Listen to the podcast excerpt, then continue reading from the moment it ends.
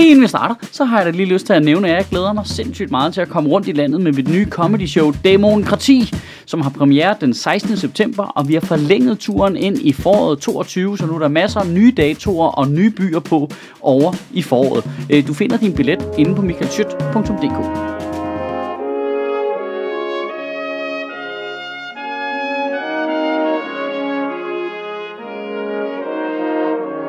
Goddag. Danmark har været i krig i Afghanistan siden 2001, hvor vi invaderede sammen med amerikanerne, der gerne ville fange Osama Bin Laden, der stod bag 11. september-angrebene. Øh, ja, han, han, han viste sig så at være i Pakistan. Ja, der, lille upser der fra starten af, invaderer forkert land. Det, det kan ske for selv den bedste, der er midt i en blodrus. Ikke? Men vi vil også gerne befri afghanerne fra det undertrykte Taliban-regime. Men her 20 år senere, så har vi tabt krigen og flygter nu alt, hvad vi... Hvad? Men vi flygter da. Det er, vi, vi har da tabt krigen og tager hjem. Det er der at flygte. Vi har da tabt. Det har, vi har, det har vi da. Altså, vi har da ikke vundet i hvert fald. Og der er ikke noget, der hedder uafgjort i krig. Ergo har vi tabt. Altså, der er Taliban er blevet inviteret i det hvide hus af den amerikanske præsident. Vi ikke. Uh, vi, vi har tabt. Pointen er, at vi har været i krig i Afghanistan i 20 år. 20 år. Der er folk, der ser med her, der har en alder, der gør, at vi har haft danske soldater i Afghanistan i hele jeres levetid. 20 fucking år, mand. Og nu har vi så tabt, og vi flygter, og Taliban rykker frem dag for dag, erobrer nye byer på vej mod Kabul, og det gør, at regeringen og Folketinget har været tvunget til at lave en aftale om at give visum til de afghanske tolke, der nu er i fare, fordi de har hjulpet danske styrker inden for de seneste to, to år. To år. To, to år. Har de glemt et nul? Nej, den er god nok, den er god nok. Øh, hvis du har hjulpet de danske styrker som 12 i Afghanistan inden for de seneste to år, så vil vi super duper gerne hjælpe dig med ikke at blive halshugget af Taliban. Har du hjulpet os i de andre 18 år, så fuck dig, ikke? Hold kæft, hvor det fedt. Og det er her, øvrigt, en regeringspolitiker typisk nok vil sige noget i stil med mm, mm, mm, som løs kan oversættes til, at andre tolke de kan søge asyl via en gammel øh, tolkeaftale, og på den måde øh, blive hjulpet herop, hvis de er personligt forfulgt. Øh, problemet er bare, at der er masser af tolke, der tidligere har hjulpet danske soldater, som har øh, søgt gennem den øh, ordning og fået afslag med den begrundelse, at nej, nej, men det var fordi, det var en amerikansk firma, der organiserede tolkene, så de har teknisk set ikke arbejdet for Danmark, på trods af det folk, der går gået rundt i danske uniformer, reddet danske soldaters liv, haft Dannebro på skulderen. Amen. Det er så fedt. Jamen, det er sådan noget juristeri, man bare har super meget overskud til, når Taliban bare rykker frem dag for dag og bare nærmer sig Kabul. Ikke? Jamen, vi skal bede dig om at udfylde den her formular, og så kan du aflevere den over på den ambassade, vi er i gang med at rydde en fart, fordi vi er ved at flygte. do, do you have e-box? Do you have e Sorry, I cannot hear you from all the gunfire. You know, easy ID. No, no, no, not ISIS ID.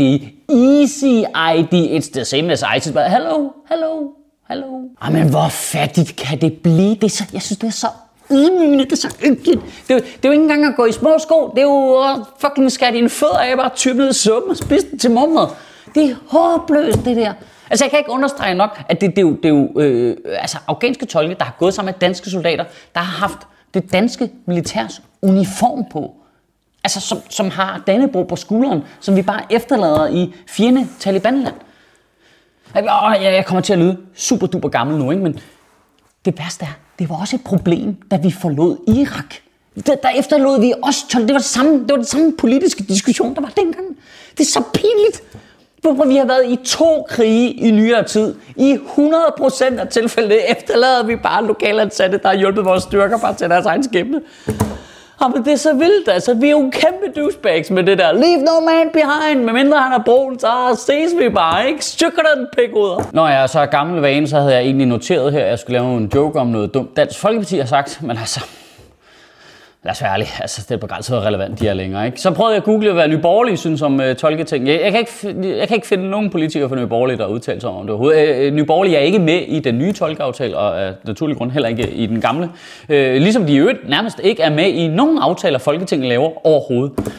Det er at et parti, der går virkelig op i, at vi har et homogent samfund, så deltager de meget lidt i fællesskabet. Jeg kan slet ikke forstå, at det skal være så svært. Altså, det, det, det burde jo ikke engang handle om, om tolkene er personligt forfulgt eller ej. Altså, de burde da have lov til at komme op, hvis de havde lyst.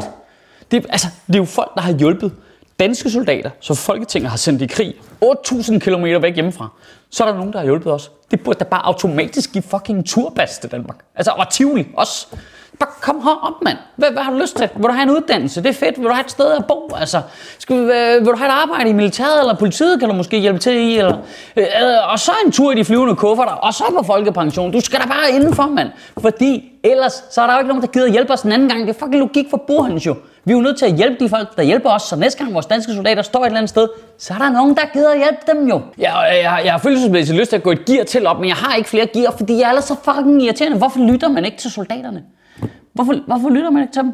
Altså, jeg forstår det ikke. Altså, kritikken af de her tolkeaftaler fra veteraner og veteranforeninger, tidligere forsvarschefer, generaler, befalingsmænd og fucking alle, der nogensinde har været i krig, er, er massiv. De vil hjælpe de her tolke. Jeg, jeg, jeg fatter det ikke. Altså, prøv, danske soldater er blevet sendt ud af Folketinget i krig på i øvrigt et eller andet abstrakt grundlag omkring øh, du ved, øh, tryghed og sikkerhed og øh, et eller andet gøjl. Det beder vi dem om at gøre, og så kommer de tilbage og beder vores politikere, der sidder i Folketinget, om at hjælpe de her tolke, og så er politikere bare, fuck ja, yeah. hvad, hvad troede I havde opbygget en eller anden form for goodwill eller hvad? Det, det er for vildt for mig, men det er totalt sådan, det er sådan en, en tendens i tiden på en eller anden måde. Det der med, at Folketingets politikere ser sig ikke som chefer, for folk, der er ansat i staten og laver sådan det, det, det går igen over hele linjen, når jordmøder kommer og siger, hey guys, det går ikke, mand. Vi, vi, vi, I har skåret for meget ind, I har sparet for meget. Når pædagogerne kommer og siger, hey, det går ikke, mand. Altså, vi, vi er en pædagog til 19 blæbørn 80% af tiden. Når soldaterne kommer og siger, hey guys, vi er nødt til at hjælpe de her tolke, fordi ellers så gør det meget svært for os, hvis vi skal i krig igen en anden gang. Og politikerne er bare, ja, ja, det, det, det, det gider vi ikke. Altså, de, du, de, de, de smider bare på jorden hurtigere end en politiker, der har udvist grænseoverskridende adfærd. Ikke? Oh, det har ikke noget med os at gøre. Nej, det må nogle advokater kigge på. Hvad, hvad, jeg kan ikke høre, hvad du siger. I ugen, der kommer, der synes jeg i hvert fald, du skal tænke over øh, det her. Øh, før 2001, der var Danmark jo ikke øh, det, man kalder en krigsførende nation. Øh, I moderne tid har vi jo ikke været i krig før 2001, og der blev så vores ego så stort, at vi tænkte, nu skal vi mig tage ud i verden, skyde på nogen og udbrede danske værdier. Ikke? Øh, og så sendte vi øh, soldater afsted for at bekæmpe øh, diktatoriske regimers øh, undertrykkelse og uretfærdighed og kafkaske systemer over for deres befolkning. Og så virkede det lidt som om, at de, de 20 år soldaterne øh, var, var afsted, så var det som om, de tog de værdier med, øh, og så var det som om, der ikke var så mange af de værdier tilbage i Danmark. Altså prøv at tænke på den udvikling, Danmark har lavet på de 20 år, de soldater har været væk. Altså, vi, vi har jo tilegnet os nogle af de kafkaske ting, vi tog afsted for at bekæmpe. Det kunne godt være, at når soldaterne kom hjem igen, så kunne de lige angribe her også at genindføre nogle af de danske værdier, de tog ud i verden for at udbrede. Det kunne da være meget smart. Kan du have en rigtig god uge og bevare min bare røv. Og så er der sgu kun en måneds tid til, at jeg har premiere på mit nye show, Demokrati. Jeg glæder mig helt dumt til at komme rundt i landet med det. Du skal skynde dig at finde billet inde på michaelschyt.dk.